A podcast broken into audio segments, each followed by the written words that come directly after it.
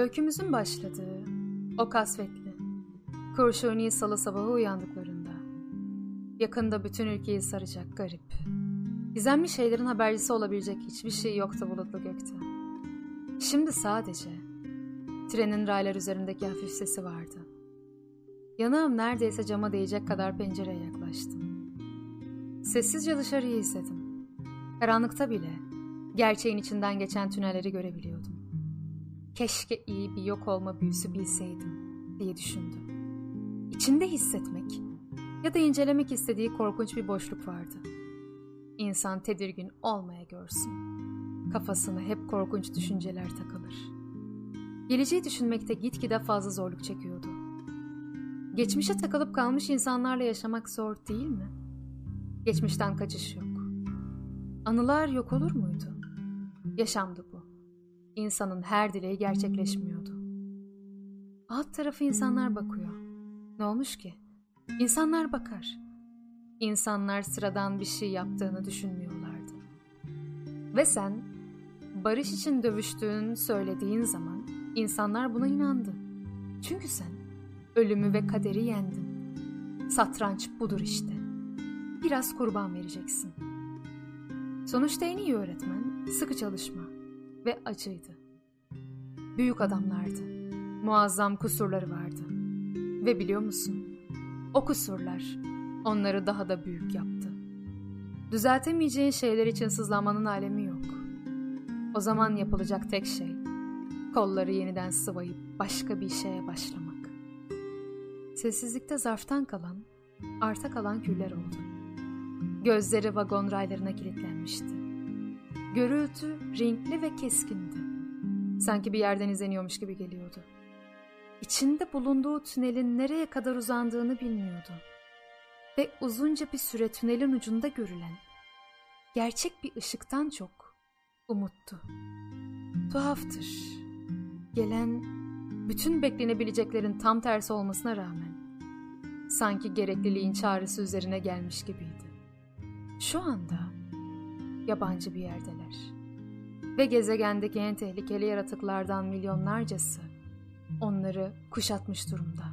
O anda ülke boyunca gizlice toplanıp kadeh kaldırıyordu insanlar. Sağ kalan çocuğa diyorlardı. Sağ kalan çocuğa. Sağ kalan çocuğa diyorlardı fısıltıyla.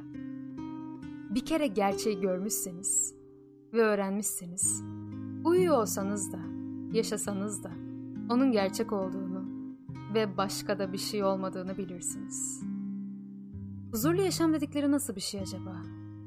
İnsan yanında boyunu ejderha kanının 12 ayrı kullanışını ezberleyen ya da asasıyla çalışmalar yapan biri olunca dinlenemiyordu. Her şeyin bir sınırı olmalı. Mesafe korunmalı. Bazı bariyerler yerinde durmalı. Bir ruh emiciye fazla yaklaştığında bütün iyi duyguların, bütün mutlu anıların emilip alınır senden. Daha önce hiç görmediğimiz bir şeye karşı kendinizi nasıl savunacaksınız ki? Tuhaf kazalara, acılara ve yaralanmalara alışıktı. Eğer cadılık ve büyücülük okuluna devam ediyorsanız ve belaları üstünüze çekme konusunda hünerliyseniz, bu kaçınılmaz bir durumdu zaten. Ama onu rahatsız eden şey acı değildi. Acıya ve yaralara yabancı sayılmazdı. Aile. İnsanın ailesi iyi olmasa da kendisinin iyi olabileceğini bilir. Evet, saygı duyulacak şeyler bunlar. Ama bazıları bunu anlamaz. Bazıları her zaman bunu sana karşı kullanır. Mesela balkon o evin bir parçası ama sokakta ve soğukta. Kendimi başka türlü anlatamıyorum. Bir insanın ne olarak doğduğunun değil, nasıl geliştiğinin önemli olduğunu göremiyorsun. Mesele kim olduğun değil, mesele nasıl olduğunda.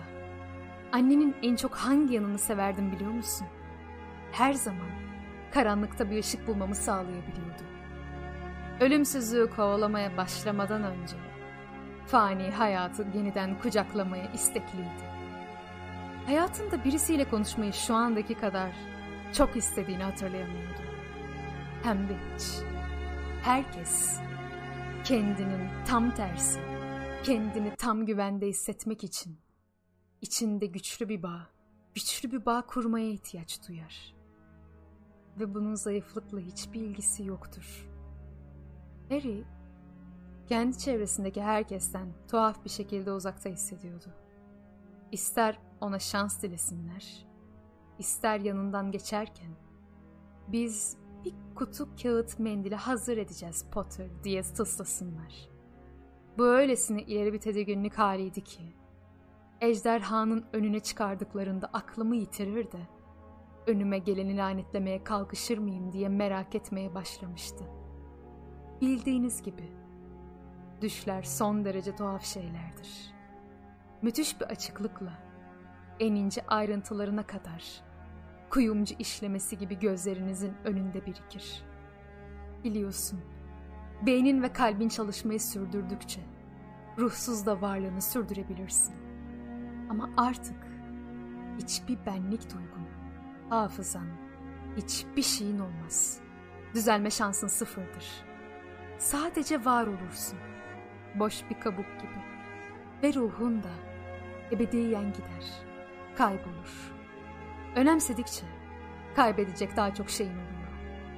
Bir insan için zaaftan yoksunlukta büyük bir zaaf değil midir? Hatta zaafların en büyüğü. Esrar dairesinde bir oda var diye sözünü kesti Dumbledore. Hep kilitle tutulur. İçinde ölümden, insan zekasından, doğanın güçlerinden hem daha harikulade hem de daha korkunç olan bir güç var.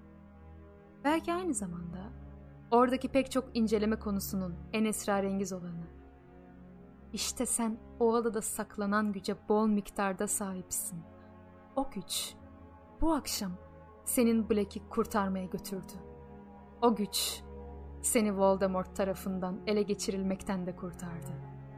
Çünkü tiksindiği güçle bunca dolu olan bir bedende kalmaya dayanamadı.